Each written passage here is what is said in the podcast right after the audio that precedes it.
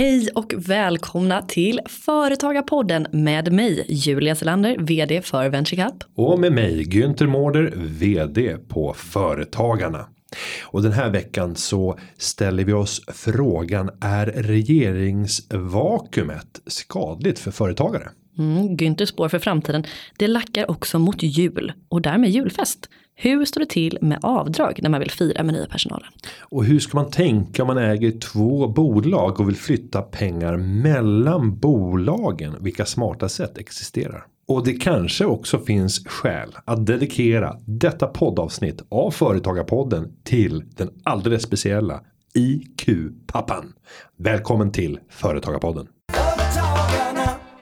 Hej Günther. Hej Julia. Hur mås? Eh, det mås bra. Mm. Eh, det nalkas jul. Nej men det gör det väl ändå inte? Jo, alltså det är bara några veckor kvar så är det första advent. Mm. Väntans tider. Fast väntans tider för dig är väl mer julrean tänker jag. Väntans tider är liksom. Nej, de bästa köpen är de som aldrig blev av. Nej men, men det brukar du inte alls säga. Jo, men det kan vara en, en fröjd att gå runt på mellandagsrean och bara titta när folk förköper sig. Och köper saker de absolut inte behöver. För då vet jag att då går det bra för mina medlemmar, företagare. Det finns ingen lycka större än när det går dåligt för andra. Men, som Günther brukar säga. Men dåligt, det går bra. Vad det jag sa. Du talade om att bra. förköpa sig. Anywho, jag tycker enligt min måttstock att det är väldigt långt kvar till jul.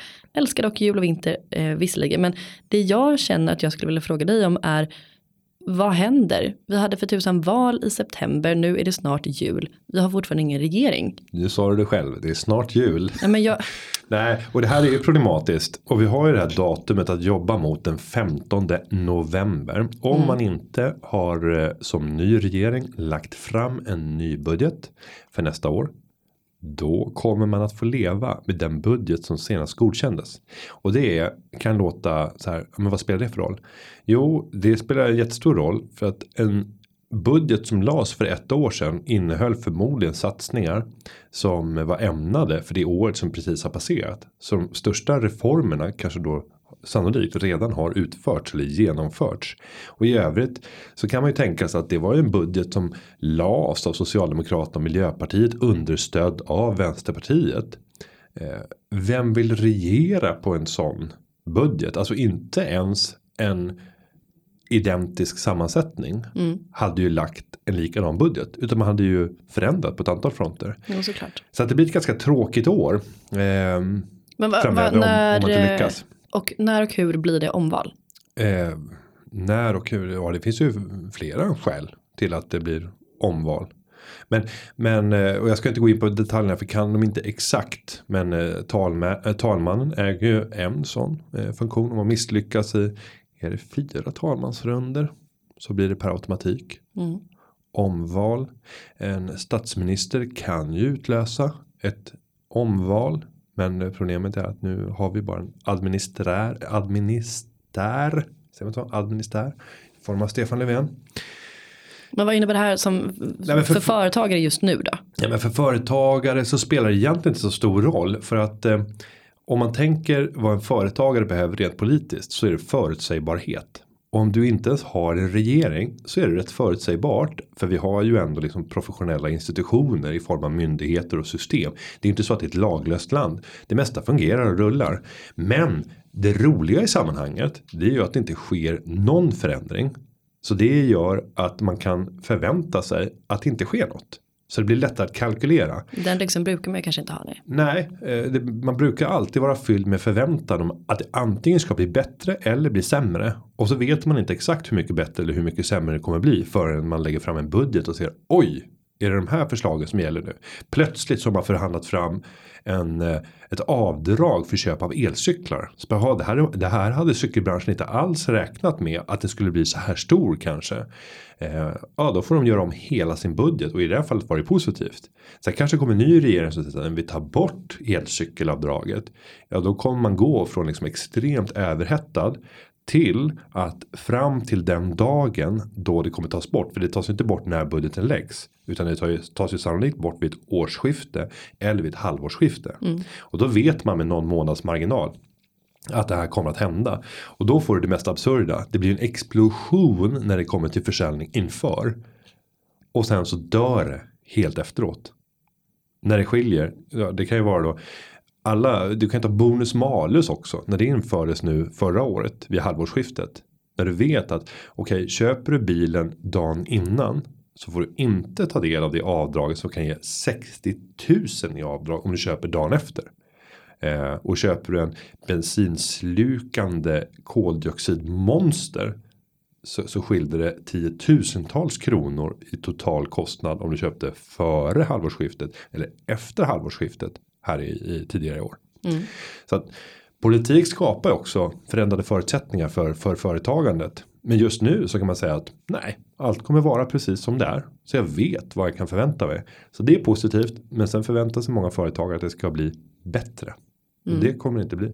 Det kommer varken bli bättre eller sämre rent politiskt. Det kommer inte att bli bättre helt enkelt. Nej men, men... det kommer heller inte bli sämre. Alltså, är glaset halvfullt eller halvtomt? Det är ett jävla glas är svaret. Mm. Mm. Men det blir vad du gör det till. Eh, lite så. Mm. Men vad tror du kommer hända? Tror du att vi kommer klara det här magiska datumet den 15 november? Det är så pass kort tid kvar och vi ska vara ärliga och säga att vi spelar in det här avsnittet lite tidigare än vanligt. Vilket gör att det är så himla dumt att sitta och gissa. Nej men det är det som är kul. Jo, men, vi nej. gillar risk. Säg nu Günther, är du så himla bra som man tror? Va? Jo, vad, men, tror du? vad tror du? Vad tror du? Vad tror du? Jo, men då ska jag säga så här. Så att en deklaration. När vi, när vi spelar in det här så är det den 29 oktober mm. på morgonen. Och det är idag som Stefan Löfven kommer att gå till talmannen och säger I'm sorry. Eh, jag misslyckades. Och därefter så kommer talmannen att gå ut och göra en ny vända och se. Finns det någon som vill få ett nytt försök på sig att testa? Jag tror i slutändan och jag upprepar det som jag har sagt tidigare i podden. I riksdagen idag, för vi vet vilka som sitter i riksdagen, det är klart. Ja. Så finns det en tydlig högermajoritet. Jag säger inte borgerlig majoritet, men jag säger högermajoritet. Jag tror att jag nämnt det tidigare, men ett av de mest, ska jag säga, överraskade överraskande momenten under valrörelsen. Det var när Jimmy Åkesson satt i SVT när de hade partiledarutfrågningen. Då ägnade man ju typ var en och en halv eller två timmar åt varje partiledare. Mm. En av frågorna som de fick det var att de fick i uppgift att placera ut sitt eget parti på en gammal klassisk höger vänsterskala. Just det. Jimmy Åkesson var bland de sista ut. Bland annat så hade redan Ebba Busch Thor från Kristdemokraterna och Ulf Kristersson från Moderaterna varit där. Och då hade både Moderaterna och KD placerat sig väldigt långt till höger. Sen kommer Jimmy Åkesson och ska placera ut Sverigedemokraterna. Och han placerar ut Sverigedemokraterna till höger om Moderaterna och KD. Alltså en tydligare markering går inte att göra från en partiledare som tidigare har lett ett parti som har velat kunna röra sig mellan höger och vänsterblocket beroende på frågan. Mm. Så att det Jimmy Åkesson har gjort under de senaste åren det är ju att styra om för att bli mer ett renodlat högerparti. Och då ska man säga så här. Okej, okay, vad krävs av en, eh, av en statsminister framöver för att kunna få igenom saker i riksdagen? Jo, det är att man får med sig minst en majoritet på majoriteten av sin politik. Och om vi då vet att den är högerorienterad. Då måste det vara en person som agerar på en högerpolitik. En regering som lägger högerförslag. Därmed så tror jag fortfarande att det är Ulf Kristersson som i slutändan kommer att leda regeringen. Det är där det kommer att sluta. Men det kommer ta en himlans massa väntor fram dit. Mm. Och jag tror inte i slutändan att det kommer att bli någon renodlad alliansregering. Utan jag tror att det kommer att bli det som man pratade om i hans första omgång. Att det blir en renodlad M eller en M-KD regering. Eh, för det kan fortfarande Centern och Liberalerna säga att ja, men vi står hellre beredda att välja den politiken. Vi tittar bara på politiken och sen så röstar vi ja eller nej för den politiken. Och Sverigedemokraterna kan också rösta för den politiken. Man behöver inte förhandla utan du lägger fram en, en politik som du tror att en majoritet i riksdagen kommer rösta för. I form av en budget, i form av eh, enskilda förslag som kommer senare. Men du tror att det kommer ta längre än två veckor? Ja, jag tror att vi inte klarar den 15 november för en budget. Nej. Det tror jag inte. Då får vi se om herr Mårders kristallkula faller ut. Ja, och så tycker jag att vi gör precis som vi brukar i den här podden. Läser en fråga? Ja, så eh, välkommen med första frågan. Då ska vi se, ni som lyssnar, det är ni som svarar för innehållet i den här podden. Så att, eh, här har vi en fråga som har skickats in på hashtag företagarpodden.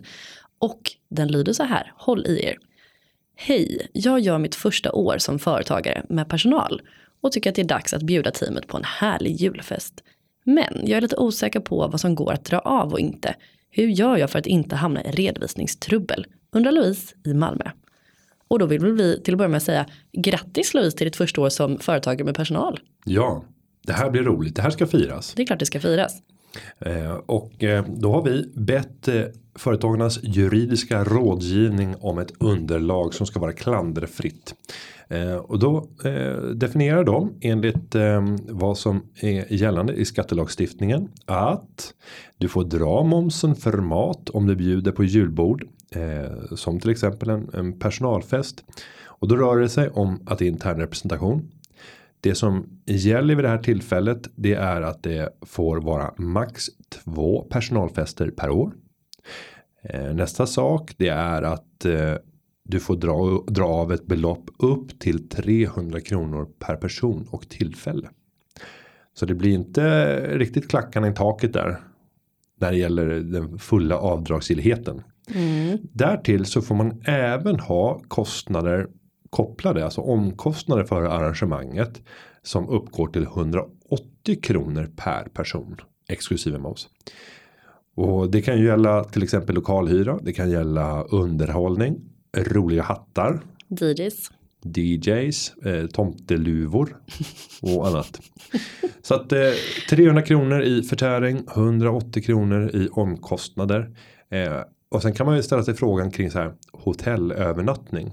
Och ja, det är okej med en hotellövernattning, men det finns begränsningar i om det är väldigt nära hemmet för de anställda. Mm, för då måste man kunna motivera på att de inte bara går hem lika gärna. Ja, så det gäller att du i relation till Skatteverket kan förklara att men det var helt orimligt eller olämpligt. Det var nödvändigt och tvunget att vi skulle vara där.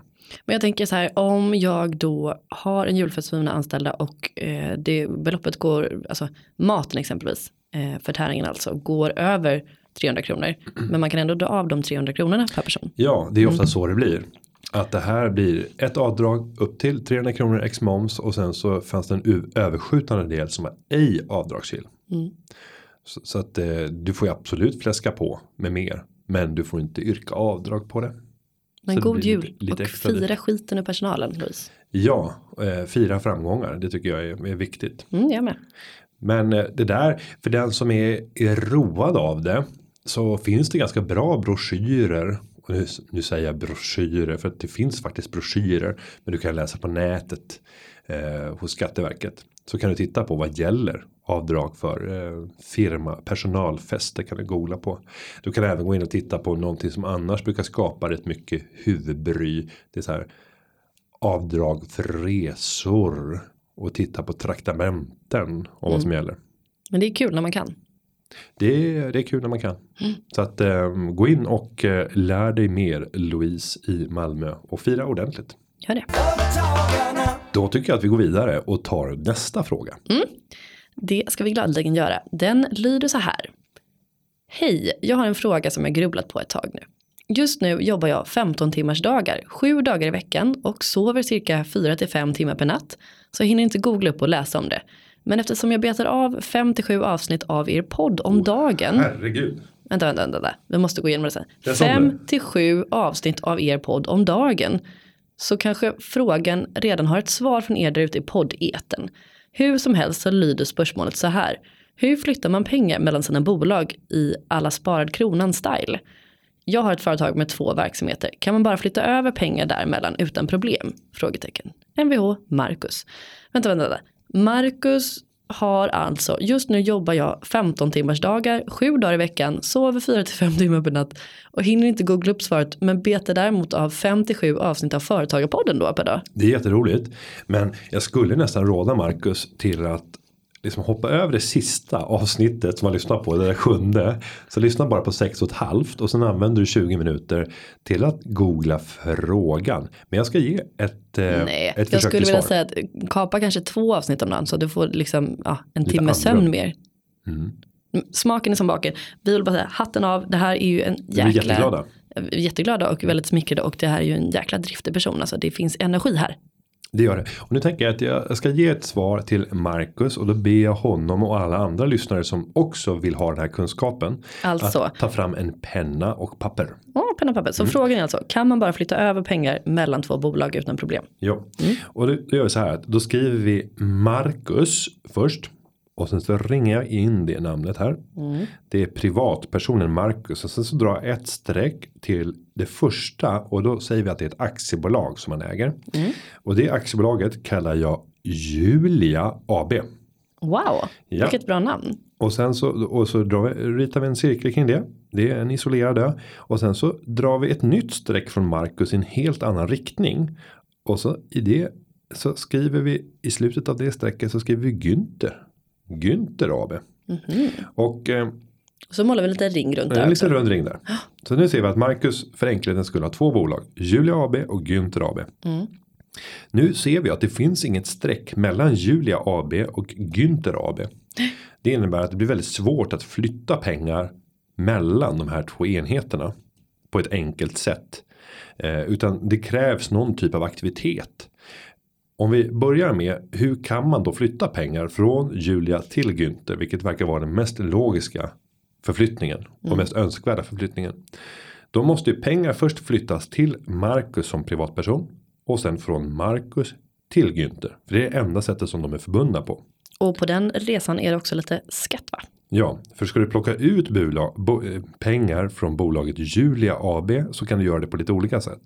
Det första och enklaste sättet det är ju att tänka att du betalar ut en lön. Marcus bidrar ju i Julia AB med ett arbete och för det så kan han plocka ut en lön.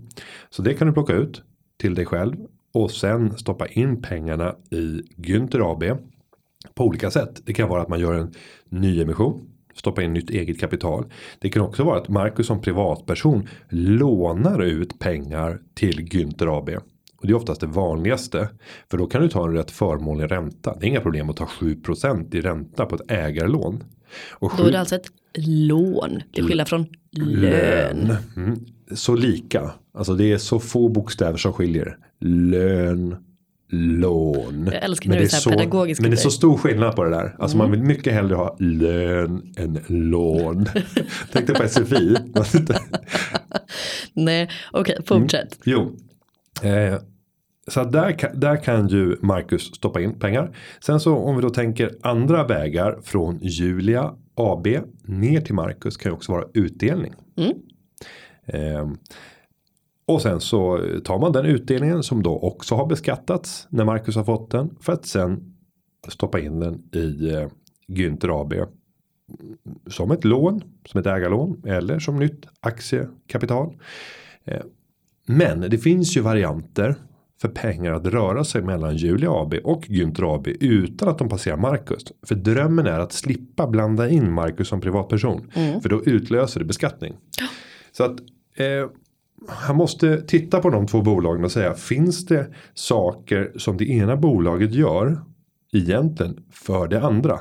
Det kan ju vara att man gör ett konsultjobb eller att Günther AB där ska nu Marcus göra ett uppdrag där han redan har gjort ett liknande uppdrag via Julia AB.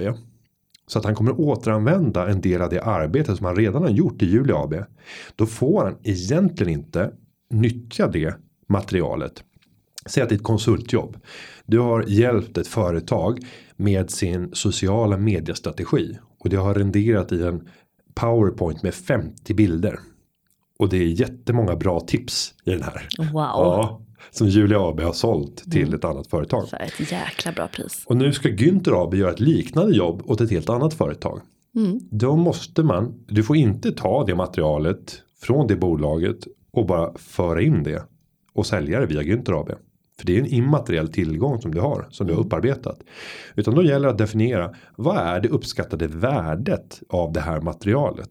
Då ska materialet bara få användas för en kund i ett sammanhang? Eller kommer Günther AB efter att ha sålt det här en gång att få återanvända det här gång efter annan?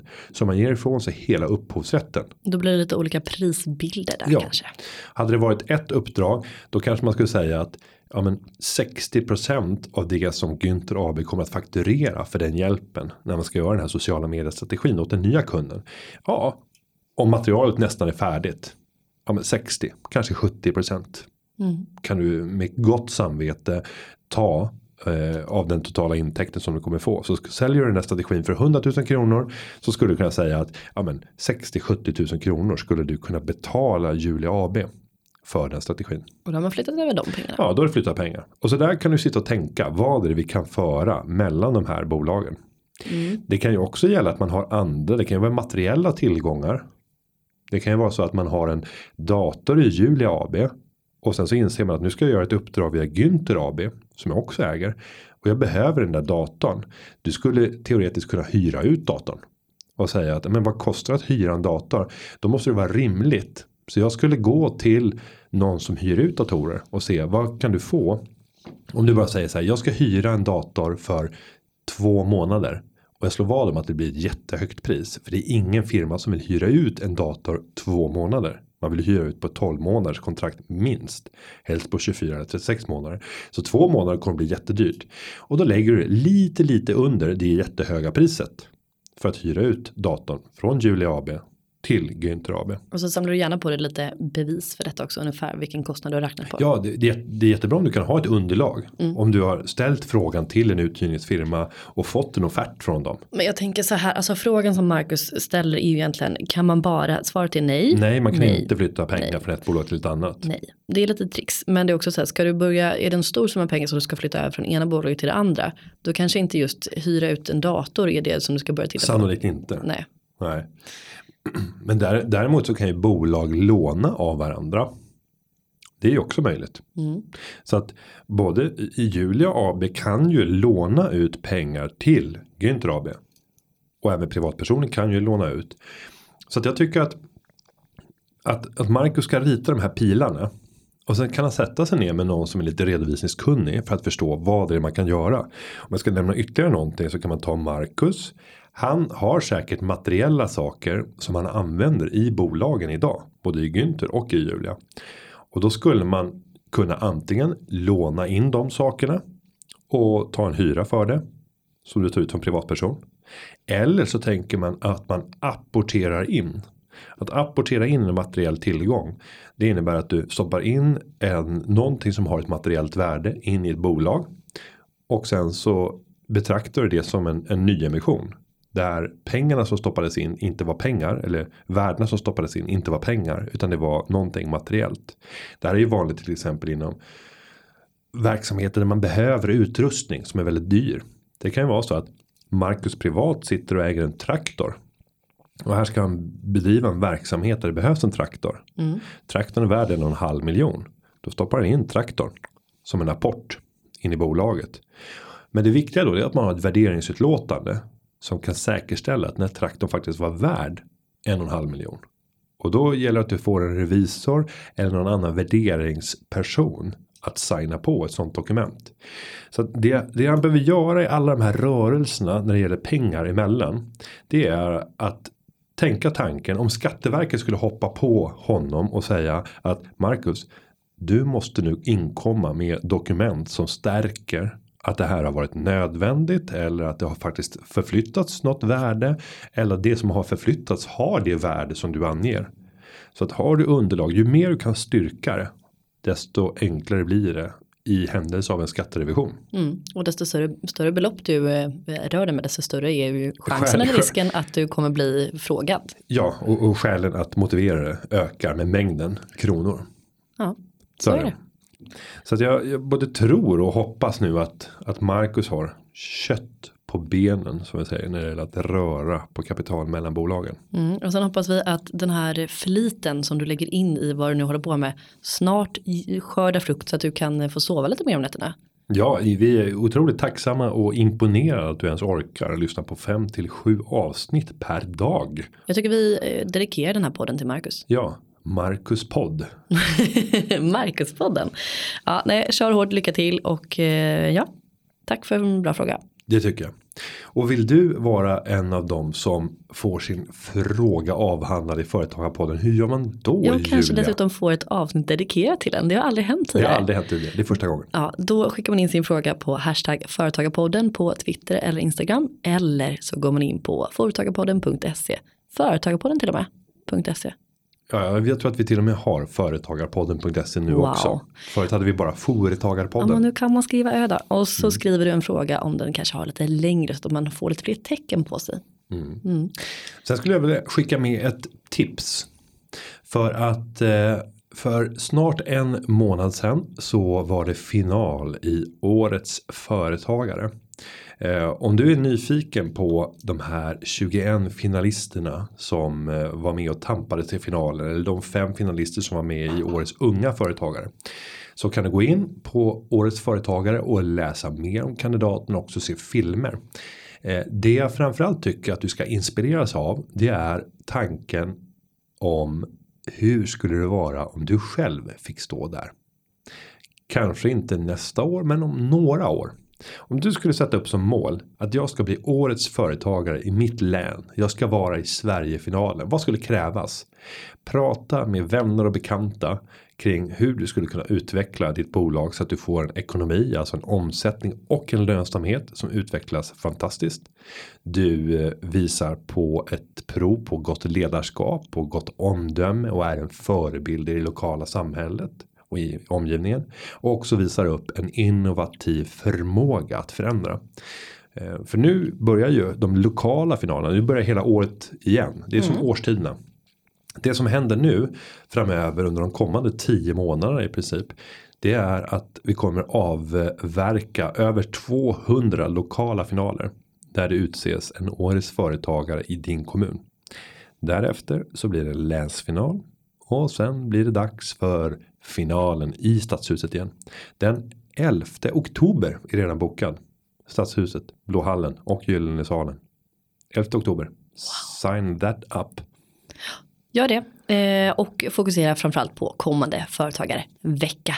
Kör hårt, Ja. gör massa företag, höll på att säga, gör massa affärer. Och med det, Så ska vi säga att det här avsnittet har förberetts av David Hagen och klippningen den är gjord av Gustav Dalesjö. Vi hörs igen nästa vecka. det gör vi. Ha det bra, hej då! Hej hej! Företagarna. Ja, ja, ja, ja, ja, ja. Företagarna. Ja, ja, ja, ja, ja,